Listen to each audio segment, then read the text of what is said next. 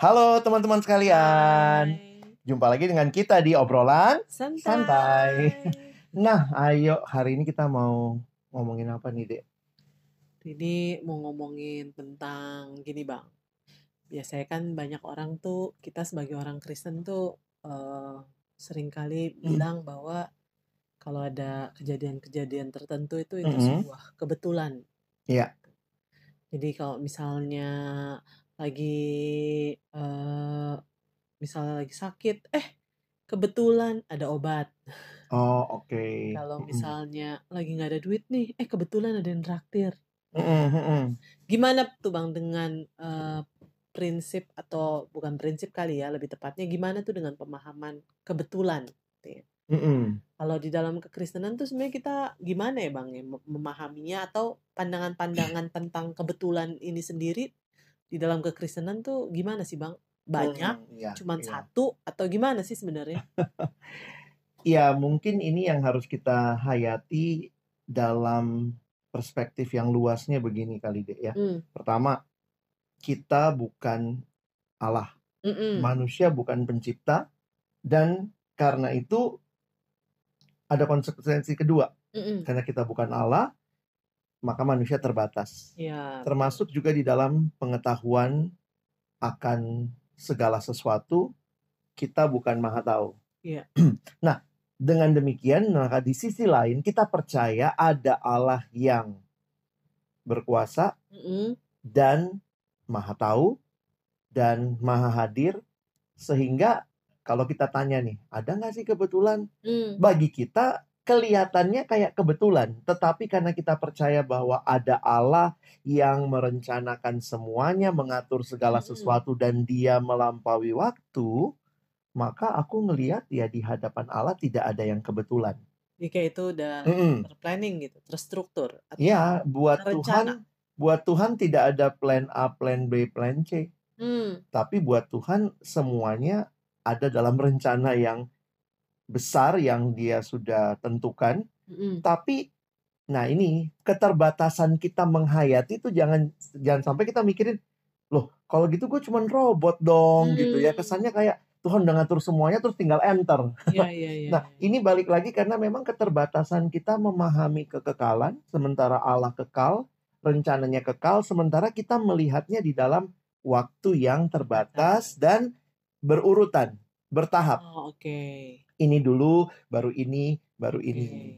Jadi makanya saya sering ngomong begini, kalau ada yang kebetulan bagi Allah, berarti ada yang Allah nggak tahu dong. Oh. Eh, tapi kenyataannya kan nggak begitu. Nggak ada bayi yang lahir ke dunia Allah kaget. Loh kok ada gitu ya. Iya, iya, iya. Eh, tapi buat kita mungkin kita bisa melihat iya ya ada peristiwa-peristiwa yang kayaknya kebetulan nih terjadi. Kebetulan nih terjadi. Tapi sebenarnya di hadapan Allah itu semua sudah ada dalam rancangannya.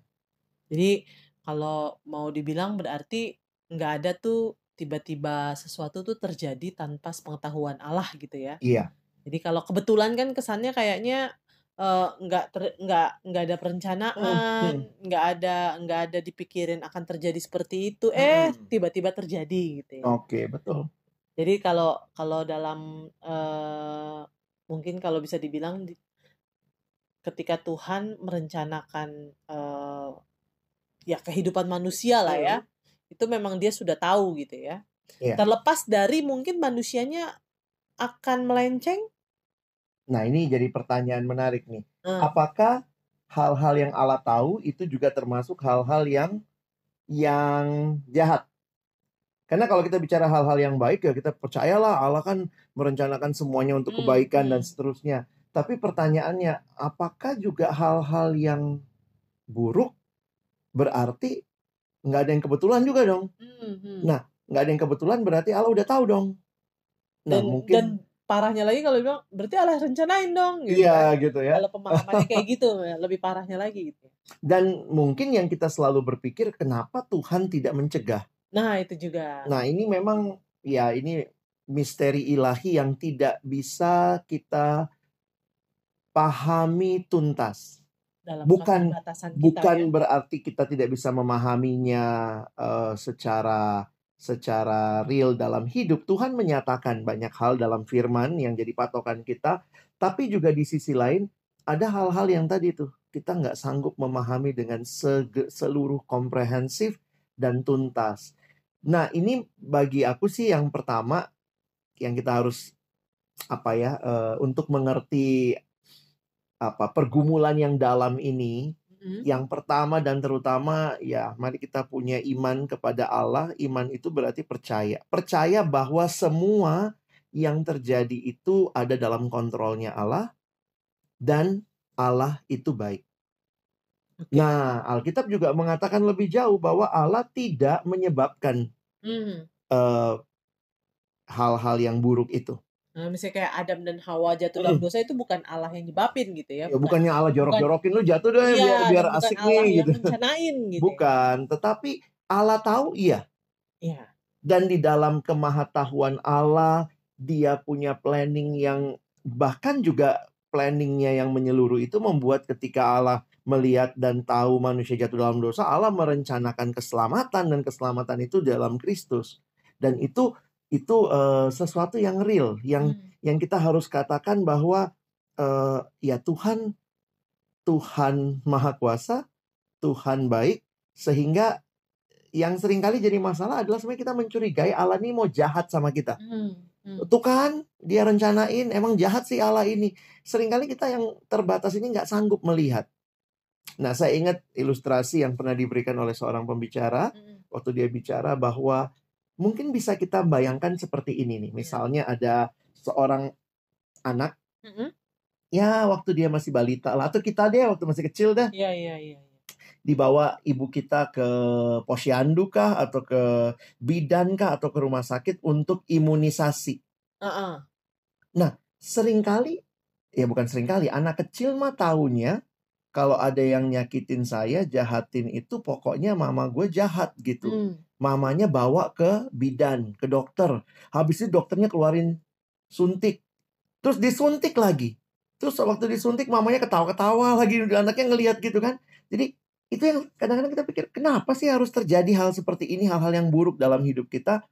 Jadi Tapi, kayak si anak tadi gitu uh, ya, ngelihat kok gue disakitin mama gue malah mama ketawa, ketawa gitu. Ya malah selesai itu mamanya ngasih duit lagi sama yang nah. nyakitin bayar lagi sama dokternya gitu ya atau sama bidannya tapi nah di sini jadi satu realita bahwa kita seperti anak kecil itu mm-hmm. ketidakmampuan untuk melihat bahwa sebenarnya ada hal-hal yang buruk terjadi di dalam uh, kontrolnya Allah kontrolnya tadi. Allah dan Allah yang mengontrol itu tahu yang terbaik buat kita Nah, tentu juga kita tidak bisa menutup mata bahwa di dalam dunia Tuhan bekerja lewat hukum. Hmm. Hukum yang terjadi dalam dunia, misalnya ada hukum gravitasi, itu juga yeah, dalam iya, iya, kontrolnya. Tuhan kan.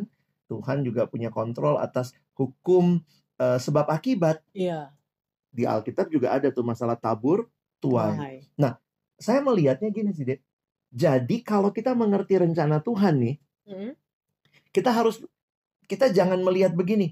Tuhan harusnya lepasin dong dari yang jahat. Yang jahat, tapi realitanya bahwa memang ada sebab akibat gitu loh. Hmm. Ketika misalnya ya, aduh yang selalu aku ingat itu misalnya ada seorang seorang uh, bapak nak jahat banget sama anaknya.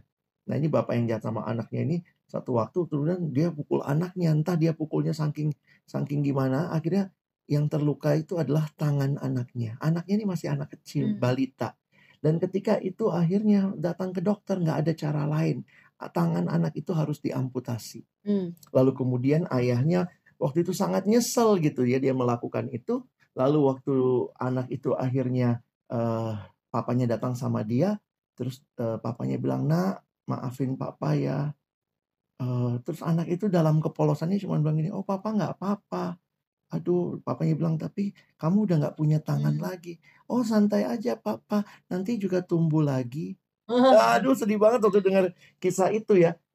Jadi, kadang-kadang kalau kita bicara hukum sebab akibat, Tuhan itu nggak nggak serta merta tumbuhin tangan anak iya, itu iya. gitu ya. Kita kadang-kadang maunya gini, Tuhan kalau terjadi yang jahat atau ada hal yang jahat, ayo dong bertindak hmm. melampaui hukum alam, lakukan sesuatu menunjukkan kuasamu kadang Tuhan lakukan. Hmm. Ada saat-saatnya Tuhan misalnya menyelamatkan dengan cara yang ajaib, yang di luar Hmm. kemampuan kita.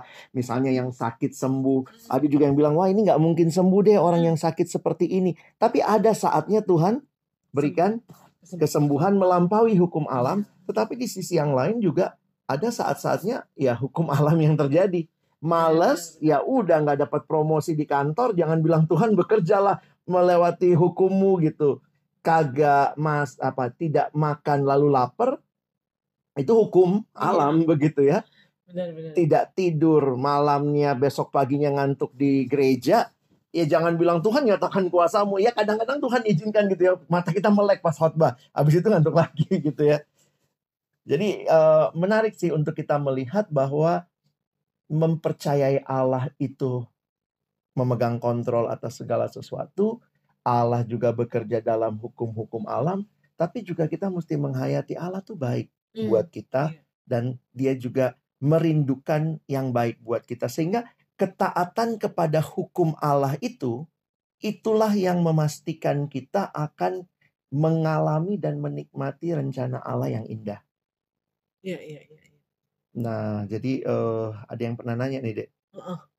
Ini juga pertanyaannya, saya pikir dia mendasarinya kepada kalau Allah baik, kenapa begini, kenapa begitu. Nah, waktu itu saya tanya balik gitu. Eh, pembuat mobil tahu nggak sih mobil yang diciptakan bisa tabrakan? Hmm. Pasti tahu dong. Iya. Kenapa tetap dicipta? Iya benar. Kenapa waktu tabrakan nggak dihentikan? Nah, saya melihat jawaban sederhananya adalah karena pembuat mobil itu tahu kalau mobil itu digunakan dengan baik, dengan Mhm. benar, banyak manfaatnya. Hmm. Jadi kadang kita berpikir, loh, kalau Tuhan tahu manusia bakal jatuh dalam dosa, harusnya dicegah dong. Iya, iya, iya. Tapi sebenarnya kan Tuhan sudah kasih nih aturannya, gimana manusia hidup baik. Nah, tetapi ketika manusia jatuh dalam dosa pun Allah yang maha kuasa, maha kasih, maha adil itu menyediakan jalan keluar buat kita. Benar. Dan itu yang bagi aku sangat luar biasa ya kasih Tuhan buat kita bahkan melampaui keterbatasan dan ketidakmampuan kita mengerti seluruh rencananya. Aduh, berat banget topiknya. ya. Iya. Tapi ya poinnya kalau Heeh. aku bisa nangkep gitu ya, berarti sebenarnya kita seharusnya tidak melihat sesuatu yang terjadi itu sebagai kebetulan, tetapi melihatnya ada dalam kontrol Allah Iya, yang memang yang punya hidup kita lah ya, Allah Mm-mm. yang juga baik lah, yang Iya. dan tahu yang terbaik buat kita, gitu ya. dan itu yang saya pikir eh, mungkin buat teman-teman yang lagi ngalamin pergumulan harus kembali melihat dan meyakini bahwa eh, ini ini ada ada apa nih di balik ini. Hmm, Tuhan mau ngajarin Iya, apa? Tuhan mau ngajarin apa? Karena akhirnya ketika kita melihat, karena menurut saya buat kita orang percaya harusnya kita nggak melihat ini hukuman Tuhan. Hmm, tapi mau lihat Tuhan Heeh, mau mau ngajarin apa. apa? Bisa jadi memang ada yang Tuhan mau ajarin, ayo jangan lakukan dosa itu terus. Karena itu Tuhan ajarin kita. Tetapi saya tidak melihat itu sebagai sebuah penghukuman. Karena Yes. kita mengalami bahwa relasi dengan Tuhan itu relasi yang mendidik dan membangun kita. Mm. Ada Tuhan pukul sering kali untuk mendisiplin kita, tapi itu bukan hukuman yang menjatuhkan kita. Me- Apa ya kayak Tuhan, kalau saya suka mikir kayak Tuhan sengaja jorok-jorokin kita begitu. Makanya kalau lagi ngalamin pergumulan, aku pikir sih coba berdiam diri sejenak. Coba lihat. Pertama, ini Tuhan mau ajarin apa? Hmm. Bisa jadi kita adalah korban dari eh, sebuah sistem yang lebih lebih luas. Hmm. Seperti yang aku bilang tadi ya, Dek. Ini dunia yang sudah jatuh dalam dosa juga. Ada hukum tabur tuai. Hmm. Jadi kita juga bisa melihat nih, misalnya ada satu anak yang datang nih, ya kak, aku dipecat dari kantor. Hmm. Dipecat dari kantor, kenapa? Aku bilang kerjaanmu nggak baik, bukan sih kak. Tapi karena saya nggak mau bohong, saya dipecat dari kantor. oke. Ya, Jadi sistem yang ada ya. sistem yang ada ya begitu. Yes. Kalau kamu nggak ikutin aturan main, kamu yang keluar begitu. Hmm. Dan dia ngalamin itu. Hmm. Nah, waktu dia ngalamin itu, dia bilang, ini apa rencana Tuhan ya? Nah, saya bilang nih, kalau bicara rencana Tuhan, pertama lihat dulu nih, Hmm. bahwa kamu adalah bagian dari kenapa kamu dikeluarin dan segala macam. Pasti ada bagian yang kita juga harus sadari tidak sanggup kita, gapai lah, ya, mengerti. iya kita mengerti gitu ya. Tapi di sisi lain, saya pikir coba lihat juga Tuhan mau ajarin apa. Mana Yes. tahu Tuhan ngajarin lebih sabar. Dan Tuhan ajarin bahwa integritas itu ini harganya kali ya, Ya bisa jadi. bisa jadi. Jadi gimana ya kita apa tuh eh, kamu kan baru belajar soal discerning ya. itu Ya, ya. benar-benar melihat bagaimana sebenarnya peristiwa-peristiwa hidup yang kita alami ini apa sih yang Tuhan lagi mau ajarkan karena pasti kita sadar tidak ada yang kebetulan. Apakah eh le- ya maksudnya hal-hal tersebut eh, apakah membawa kita makin dekat sama Tuhan atau mungkin akhirnya makin menjauh gitu ya. Kalau kalau misalnya ngomongin kalau ngomongin hal ini berarti juga kalau misalnya ada hal-hal yang terjadi gitu ya, hal-hal buruk lah yang terjadi, Hmm. kita nggak bisa nggak boleh lah ya Bang harusnya jangan dengan cepat gitu ngomong, "Oh, eh, ada mungkin anggota keluarga teman kita meninggal lalu kemudian kita bilang ya ini rencana Tuhan gitu kali ya itu gimana tuh secara pastoral ya karena kadang-kadang kita cepet banget ngomongin kayak gitu gitu padahal belum tentu Ah, ah. juga bisa diterima Saya semakin mengerti firman Tuhan, Hmm. salah satu hal yang Tuhan ajarkan waktu belajar kisah Yusuf deh. Hmm, hmm, hmm. Jadi saya melihat begini. Kadang karena kita belum sanggup mengerti the whole story, tahan mulut kita dulu untuk Hmm. tidak langsung bicara ini rencana Tuhan. Apa pun itu. Seringkali saya bahkan mengatakan eh, apa pun itu dalam arti yang sukses pun hati-hati yes bicara rencana Tuhan langsung. Tapi poinnya adalah apakah di dalam langkah demi langkah hidup kita kita sedang taat Hmm. kepada Tuhan. iya iya iya. Jadi eh, mungkin kalimat cantiknya gini ya, waktu saya belajar dari kisah hidup Yusuf, bahwa yang penting bukan bilang ini pasti rencana Tuhan pada waktu itu terjadi. Karena kita masih belum sanggup mengerti seluruh cerita. Tapi ketika sesuatu terjadi, periksa hidup kita. Kita lagi taat nggak? Hmm. Taat itu dalam pengertian begini. Memang saya sudah berjuang Tuhan, ini yang yang terbaik nih. Dan ketika belum terjadi atau tidak terjadi seperti yang mungkin kita harapkan, maka mari setia aja. Taat aja terus dulu. Yes. Nah, saya kasih contoh begini ya. Jadi Yusuf ini unik. Di dalam Hmm. Alkitab ada kalimat yang menarik mulai dari kejadian 37 waktu diperkenalkan tentang hidup Yusuf yang masih muda, Hmm. agak gegabah, sombong, begitu ya dia membanggakan diri bahwa wah nanti berkas-berkas abang-abangku ini akan tunduk kepadaku. Bahkan dia bilang papa mamanya pun akan Iya. tunduk sama dia. Tapi yang menarik adalah memasuki eh, pasal 39 dikatakan Tuhan menyertai Yusuf. Mhm. Tuhan menyertai Yusuf. Dan sepanjang cerita itu, frase itu termasuk cukup sering diulang. Tuhan menyertai Yusuf. Jadi per- eh, waktu saya hayati begini nih. Apa sih yang Yusuf alami ketika dia disertai Tuhan? Mhm. Bayangkan dia dibuang sama abang-abangnya ke dalam sumur lalu dijual ke Mhm. Mesir sebagai Budak. budak. Nah, pertanyaannya begini, waktu Bu- Yusuf dijual oleh abang-abangnya, apakah Yusuf ngomong, ah nggak apa-apa, jual aja, ini rencana Tuhan kok, santai aja, jual aja, ini rencana Tuhan. Yusuf tidak langsung bicara itu rencana Iya. Tuhan. Dia masuk ke Mesir, eh dapat kerjaan yang baik, tapi ingat dia tetap budak. Iya. Waktu dia jadi budak di Mesir, apa yang terjadi? Dia dituduh me- me- apa ya, menjahat, menjahili eh, Istri, istri tuannya. tuannya. Lalu dia masuk ke penjara penjara. Apakah waktu dia masuk penjara dia bilang nggak apa-apa, masukin aja ke penjara. Ini kan rencana Tuhan. ah Yusuf pun nggak tahu tentang rencana Tuhan tuh. Makanya saya lihat tahan mulut kita dulu untuk bilang ini rencana Tuhan. Dan di mana Yusuf bilang ini rencana Tuhan? Di kejadian 50 di akhir hidupnya. Waktu abang-abangnya datang kepada dia takut sama dia lalu dia bilang kamu mereka-rekakan yang jahat tapi, tapi Tuhan Allah Allah merekakan yang baik Mm. untuk memelihara kehidupan sebuah bangsa. Saya melihat di akhir cerita itulah baru sang Yusuf ini waktu merenungkan hidupnya yang dia lalui. Ternyata setiap langkah yang dia lalui dengan ketaatan itu adalah bagian dari rencana Tuhan yang Tuhan sedang merenda hidupnya. Benar. Jadi akhirnya saya ngelihatnya gitu sih. Jujur aja banyak peristiwa yang kita belum bisa jelasin kok. Kenapa Iya benar. orang tua saya misalnya meninggal? Kenapa kakak saya kena kanker?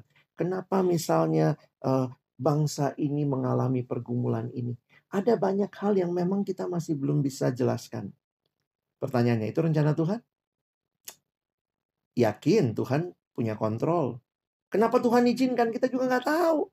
Tapi paling tidak begini, kita sedang menjalannya dalam ketaatan nggak kehidupan ini, terus belajar berserah kepada Tuhan, belajar mengerti bahwa Tuhan baik, ya. dan nanti mungkin satu waktu, waktu kita melihat ke belakang hidup kita, kita akan bilang iya ya, inilah jalan yang indah ya. yang Tuhan berikan.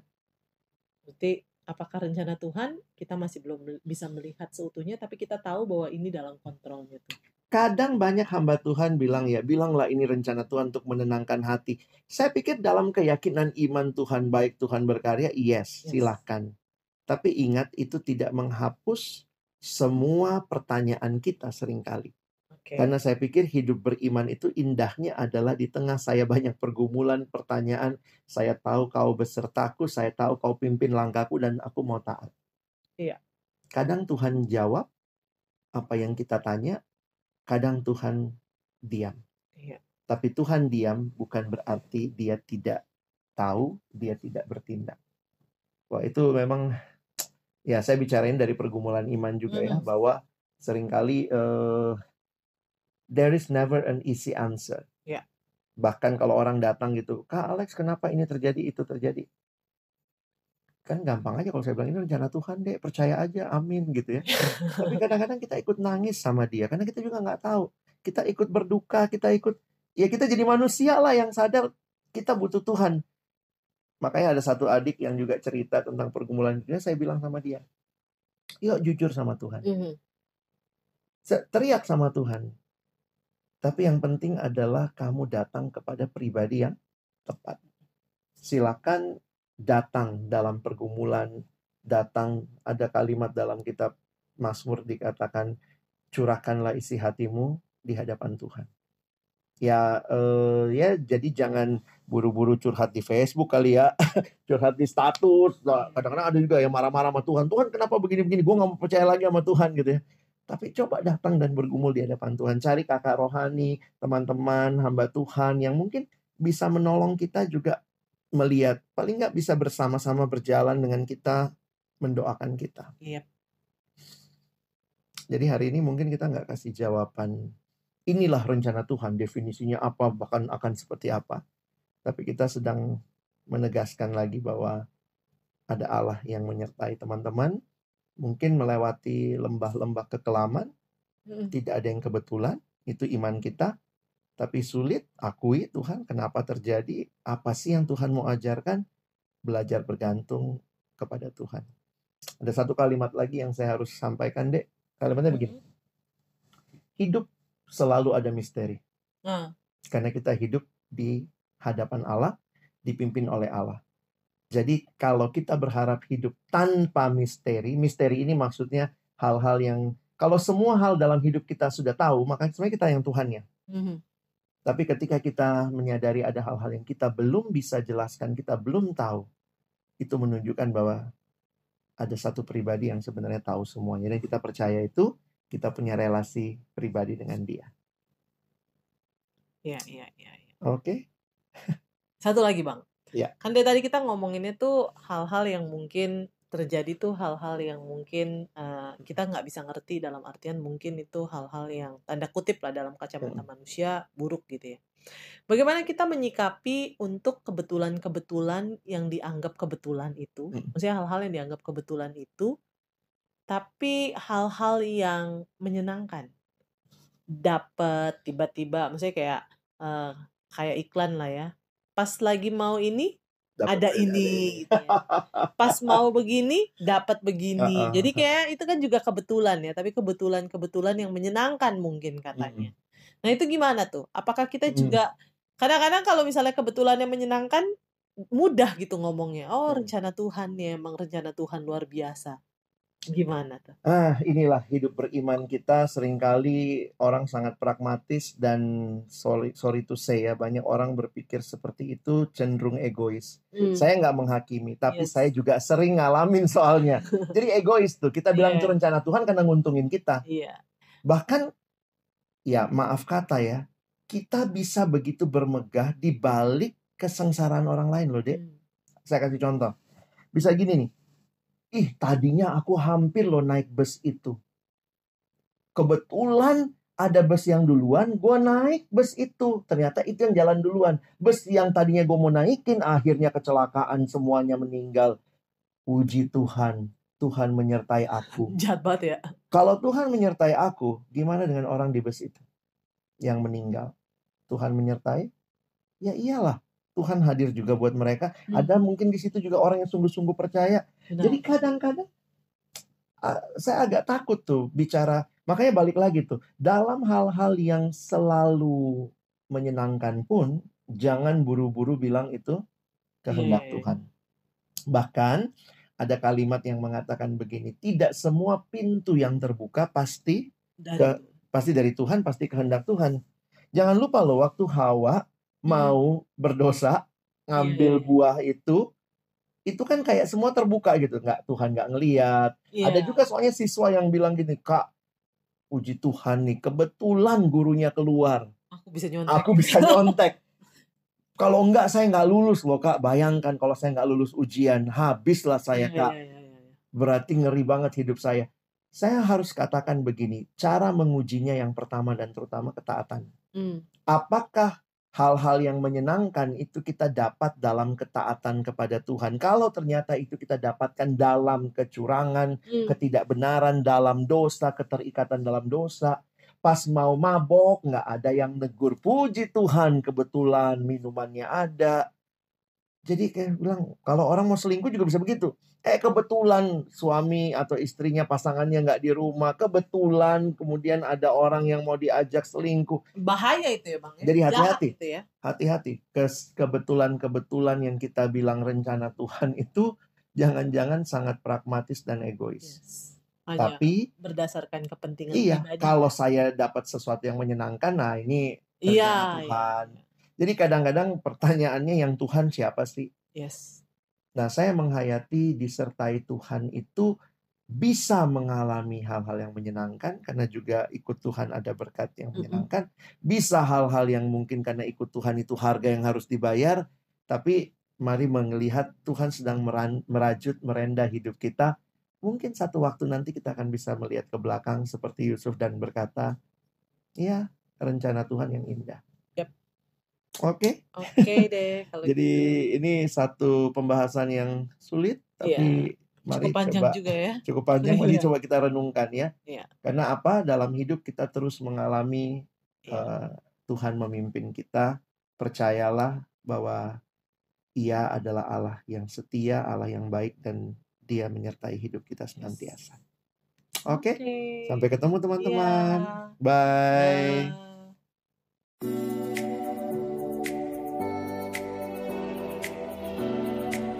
You are listening to Alex Nanlohi Podcast To know the Lord and to make Him known